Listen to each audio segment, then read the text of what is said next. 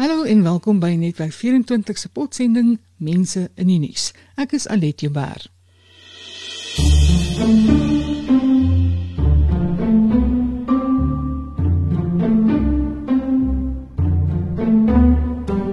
koninklike troue, die soort wat gewoonlik net in feesverhale voorkom, het mense 10 jaar gelede laat deel voel van die sprokie. Dit was die dag waarop Engeland se prins William trou beloof het aan Kate Middleton. Vir Arlene Prinsloo, 'n webredakteur van Netwerk 24 en kenner van Europa se koninklikes, was dit heeltemal onmisbaar. Sy het op 'n vliegtuig geklim en 3 dae lank saam met die Britte fees gevier. Sy deel haar wonderlike herinneringe met ons, maar benewens die konfetti en die troukoek en die pragtige bruidspaar, meen Arlene die dag het 'n nuwe tydvak vir die Britse koningsgesin ingelei. Toe William sy ma se verloofring aan Catherine se vinger gesteek het in dit was November 2020, het ek nie vir 'n oomblik gedink dat ek amper mal, mal genoeg sou gewees het om Londen toe te reis en op 'n sypaadjie te gaan slaap net om hulle in lewende lywe te sien. Maar ehm um, nadat die ring aan die weet die vinger gesteek is en sy nou na die uh, Westminster Abbey toe gegaan het om na te gaan kyk na die kerk, toe begin ek ook nou 'n bietjie opgewonde raak en toe besluit ek maar ek gaan vlieg. 3 dae voor die troue het ek in Londen aangekom.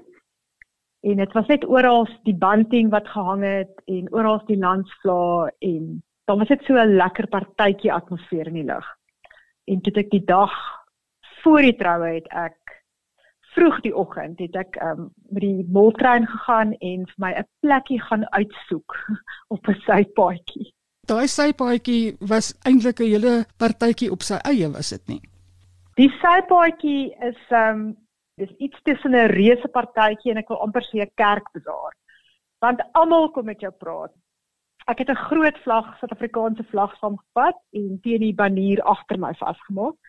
En baie Suid-Afrikaners wat of nou permanent weet in Londen woon of party het ook net soos ek oorgevlieg het, kom gesels. As mense die vlag sien dan kom gesels hulle en ek het langs 'n wonderlike egpaar van ehm um, Edinburgh gekampeer, soos ek dit sal stel, want hulle het weer 'n Skotse vlag gehad en hulle het my ehm um, my goed opgepas as ek so 'n bietjie gaan rondloop het in die mall. Maar dan stap jy op Buckingham Paleis toe en dan gaan kyk jy wat daar aangaan en dan skiet jy weer 'n bietjie af en dan gaan jy in die park in waar almal maskers gedra het van William of Catherine of selfs koningin Elizabeth. O, dit was 'n vet partytjie. Waar was jy geposisioneer op die roete van die bruidspaar? Ek het regoor kant Stable Yard Road gesit. Dit is waar Clarence House is. Want ek het gedink ek gaan daar die meeste die meeste kere eintlik vir William kan sien. En uh dit was baie baie lekker want jy kon ek kon die hele prosesie volg wat van die paleis af daar verby beweeg het na die kerk toe en weer al die pad terug maar beide die dag voor die weet die dag die donderdag voor die troue het ehm um, prins William en prins Harry uitgekom. Hulle was nou wel oor kan die straat van my en ek kon nie oor die versperring klouter om daar uit te kom nie, maar ek kon hulle van baie naby af sien. Ek het vir Camilla gesien, sy het ook uitgekom. Sy het vir die uh, mense wat aan die ander kant van die straat uitgekamp het, het sy tee gebring. So ek het haar gesien en ehm um, natuurlik die hele hele almal wat van die paleis af na die kerk toe geneem is, is voor my oë verby. So dit was wonderlik. Koningin Elisabeth, prins Philip. Ehm um, ek het eers later besef hoekom uh, prinses uh, Beatrice en Eugenie half met sulke skewe koppe in die motor gesit het, omdat hulle mos daai groteske hoede opgehad het. En uh, dit was wonderlik om vir Catherine in die bruidsmotor te sien. My eerste my eerste gewaarwording toe ek haar sien was net jene maar jy is verskriklik mooi. Sy is regtig beeldskoon. Kon jy haar rok sien en um, enige detail op die rok raak sien? Nee, daarvoor ry um, die motors te vinnig. Ek moet sê ek het meer van haar gesien as wat ek van Megan gesien het in in Windsor want hulle was net 'n bietjie laat daar vir die kerk. So Catherine se kar het redelik dan nie baie vinnig nie, maar ook nou nie stadig nie, maar ek kon onmiddellik net die die wit van die sluier sien in die in die tiara en dan net die, die bietjie van die boonste van haar skouers sien, maar dit is al. Die res moet nou maar wag vir later, toe sy by die kerk uitgeklim het. Anders dan as nou by Windsor waar hulle op reuse skerms die gewys het wat binne in die kerk aangaan. In Londen was was ek net op klank aangewese want hulle het die hele diens uitgesaai op groot luidsprekers eh, in die mall af. So dit was ehm um, dit was asof ek as 'n ware ook in die kerk was want almal het die diens half bygewoon. Jy het almal het gestaan en luister want jy staan ook, jy jy sit nie want jy's so sardientjies ingepak agter daai versperrings.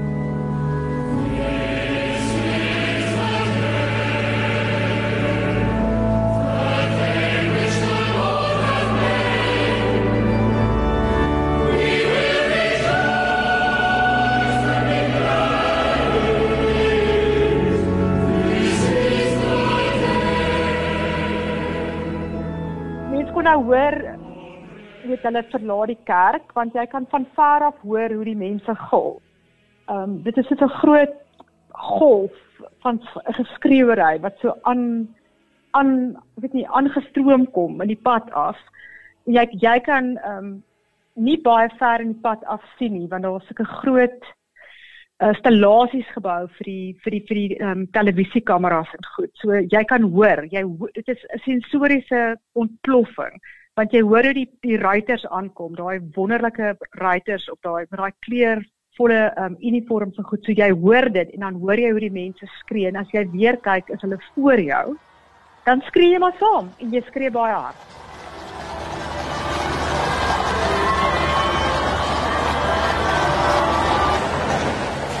Was jy daar vir daai wonderlike oomblik op die balkon toe William en Kate uh, gesoen het? Ek het daai oomblik gemis want ek was doeteenvoudig te moeg toe ek daarna al amper 30 uur um, op straat en ek het geweet hulle gaan soen uh, weet op die balkon of het dit verwag maar ek het besluit dit is oukei okay, ek kan dit by, by die televisie gaan kyk Ek was gelukkig genoeg om dit op TV te sien. En dis werklik een van daai ikoniese oomblikke, die prins in sy rooi uniform en die jong uh, kyk in haar ja. pragtige trourok en die twee wat soen. Was dit 'n oomblik waarin mense sou kon sê dat William die tragiese verlede Jy weet ons almal onthou hoe hy agter sy ma se kus geloop het, die, die tienerseun met die strak gesig Was dit 'n oomblik, 'n simboliese oomblik waarin hy daai tragiese verlede kon agterlaat? Ek dink beslis so. As mens as as ek nou weer kyk na weet beeldmateriaal van die van die troue. Hy was so gelukkig daai dag. Gelukkig skaam. Hy het soms so daai skaam uitdrukking as hy as hy glimlag. En dit was vir my hy het geweet wat beteken daai soen want hy weet sy sy ma en pa het mekaar ook op die balkon gesoen. En toe sien hy Catherine sommer 'n tweede keer, net om te wys, jy weet, hierdie is nou regtig. Dit is liefde. Hy's lief vir haar en sy's lief vir hom. Baie paartjies maak dit natuurlik nie verby hulle derde of sewende huweliksherdenking nie. Hoekom dink jy hulle so so gelukkig om 10 jaar te kan herdenk? Ek dink die hulle sukses resep is die feit dat hulle mekaar so lank geken het. Hulle het meer as 7 jaar uitgegaan voordat hulle getroud is. Ehm um, het opgebreek twee keer in in daai 7 jaar. Maar ehm um, hulle het mekaar baie goed geken en Catherine was voorbereid gewees. Ek dink jy mens kan ooit 100% voorbereid wees op jou lewe in 'n glaskoutjie nie, maar sy het soveel as moontlik kennis gedra van die wêreld waarin William beweeg het, die eise wat aan hom gestel word.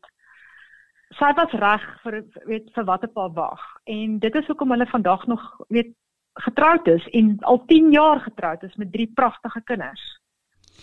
Wat van die gerugte dat prins William uh, ontrou was aan Kate? Ek glo dit nie vir een oomblik nie. Ek dink hulle huwelik het soos alle huwelike goeie tye en, en minder goeie tye beleef. Dit veral omdat die gerugte wil dit hê dat dit was tydens die tyd toe sy swanger was met prins Louis. Toevallig in daai tyd was die hele breekspel tussen en hom en Harry aan die begin en al die gerugte oor oor Meghan wat personeellede boelie en mense het ook by William gaan kla. Dit is hoekom hy so vinnig probeer het om jy weet dat Harry sy eie koninklike stigting kry weg van hom en Catherine af. Ek dink hy was regtig te besig geweest uh, met 'n derde kind op pad en sy broer met 'n verloofde wat, jy weet, almal se hare laat reis in die paleis om nog, jy weet, oor 'n oor 'n heining te loer en by sy buurvrou, jy weet, 'n verhouding te hê. Dis op ek glo dit nie vir 'n oomblik nie. Mense dink dalk hulle leef nou in weelde met weet hofdames en voetknegte wat gereed staan vir elke nik en gril. Is dit so? Nee, nie Catherine en William nie. Hulle het 'n baie baie klein ehm um, personeel wat nou hulle omsien. Hulle het 'n um, huishoudster en 'n assistent huishoudster. Natuurlik is daar mense wat seker skoon maak, maar dis nie vaste vaste personeel nie. Hulle doen dit juis want hulle wil vir hulle kinders so na as moontlik aan 'n normale in hakkies opvoeding gee. So dit is 'n huis waar Catherine self die verjaarsdagkoeke bak, waar sy self kos maak, nou nie elke aand nie, maar waar sy self kos maak. Ehm um, wat William ook sal help of wat hulle dis of sy of William gaan laai die kinders op en af by die skool. So daar's nie 'n sjofeur wat 'n kind gaan haal of 'n hofdame wat in 'n kar sal klim en weet vir George of vir Charlotte sal gaan haal by die skool nie. Die ouers doen dit self. Sy ehm um, laai blykbaar die kinders af en gaan staan saam met die ander ouers by 'n koffiekiosk en koop vir 'n weet 'n wegneem koffie. So um, hulle het nie so 'n groot um, personeel omset wat na hulle in hulle huis kyk nie om dit natuurlik ook meer eie te maak want weet as jy nou aan jou as jy nou aan jou eie huis nie eintlik iets kan sê nie want iemand kan jou hoor en die stories kan gaan verkoop weet aan die Britse ponypers dan is dit ook nou net te lekker nie. So hulle het 'n baie klein personeel opset en uh, dit sal natuurlik verander soos soos hulle posisie gaan verander in die, in die komende jaar weet komende jare as hulle prinses prinses van Wallis word of wanneer William koning word. Hoekom is Catherine 'n uh eh, hertogin, hoekom nie 'n prinses nie? Catherine is 'n hertogin omdat sy nie ehm um, gebore is as 'n prinses nie en die Britse koningshuis werk anders as die Europese koningshuise. In Engeland is 'n uh, hertog en hertogin is op dieselfde vlak as 'n prins en prinses in die adelike register amper. Haar beroep word aangedui op soos op die geboortesertifikate van die kinders as 'n princess of Britain maar sy dra nie die titel prinses voor haar naam nie, want sy's nie 'n bloedprinses nie, soos prinses Anne of prinses Beatrice of prinses Eugenie nie. En wanneer prins William die prins van Wallis word, gaan sy outomaties Catherine prinses van Wallis word. Maar dit gaan verkeerd wees om ooit vir haar te sê prinses. Net soos dit verkeerd was om vir Diana te sê prinses daai. Ehm um, Diana was ook nie 'n prinses nie, maar dit het maar net in die volksmond weet dit sy prinses daai geword. So ek vermoed ehm um, prinses Kate, ons gaan nog baie van prinses Kate lees. Gaan ons ooit van koningin Kate lees? O, definitief. Ek weet nie of dit nog in my lewenstyd sal gebeur nie, maar sodra William die die troon bestyg, dan word sy outomaties die koningin, net soos Camilla koningin gaan word as Charles die kroon bestyg. Nou, hoe verwyl die twee Cambridges hulle tyd? Want dit is sekerlik nou nie die moeilikste werk op aarde om 'n paar linte te knip en 'n paar toesprake te hou nie. Hulle werk is darem net 'n paar linte knip en en toesprake te hou nie. Hulle het baie organisasies waarvan hulle die beskermere is, veral Catherine Spitzomus toe op kinderontwikkeling en geestesgesondheid van kinders. So daar's baie vergaderings wat sy bywoon uit haar posisie uit om inligting te bekom en sy is baie betrokke by haar organisasies. En dan behalwe nou, behalwe nou soos nou, nou met COVID, dink ek is hulle meer tuis as wat hulle ooit van tevore was, maar daar was baie virtuele afsprake. So koningin Elisabeth ook nou maar doen. Ehm um, 'n mens dink altyd die die bietjie wat jy van hulle sien in die kollig, weet waar hulle 'n boom plant of 'n lint knip of 'n plaak onthul. Uh, Prins Philip het ons eendag gesê toe hy so 'n plaak onthul het hy iets gesê van I declare whatever this thing is open omdat hulle dit so baie doen. Dit is 'n baie klein deeltjie van hulle werk. Daar's baie ander werk wat agter die skerms gebeur waarvan ons nie eintlik bewus is nie.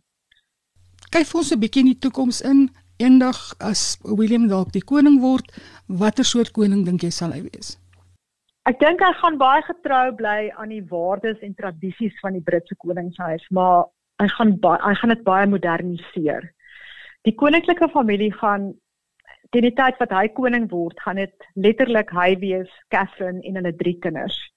wat al hierdie afsprake en goed sal nakom. So ons is reeds besig om die wat amper sê die evolusie van die koningshuis te beleef voor ons eie oë met al hoe minder koninklikes wat openbare pligte vervul. Um, dit gaan daai daai klein kerngroepie gaan al hoe kleiner en kleiner word. Ook pensie onkoste, jy weet die die toelaas wat betaal moet word en sulke tipe van goed. Ek dink hy gaan baie voortbou wat hy nou reeds gedoen het, um, geestesgesondheid en die bewaring van die natuur. Dit is sy sy groot passies. Catherine het haar nis gevind met kinderontwikkeling. Hulle hulle gaan die koningshuis in 'n moderner tyd tydvak inneem, maar sonder om die die tradisies wat ons byvoorbeeld nou gesien het met Philip se begrafnis, sonder om daai goed net weet weg te gooi. Dit gaan 'n mengsel wees van oud en nuut, meer nuut as oud. Die mening van Arlene Prinsloo, 'n redaksielid van Netwerk 24 wat gereeld oor die wel en wee van die koninklikes berig. Dankie vir die saamluister. Kontak my gerus per e-pos by alet.jubber@24.com. Groete tot die volgende keer.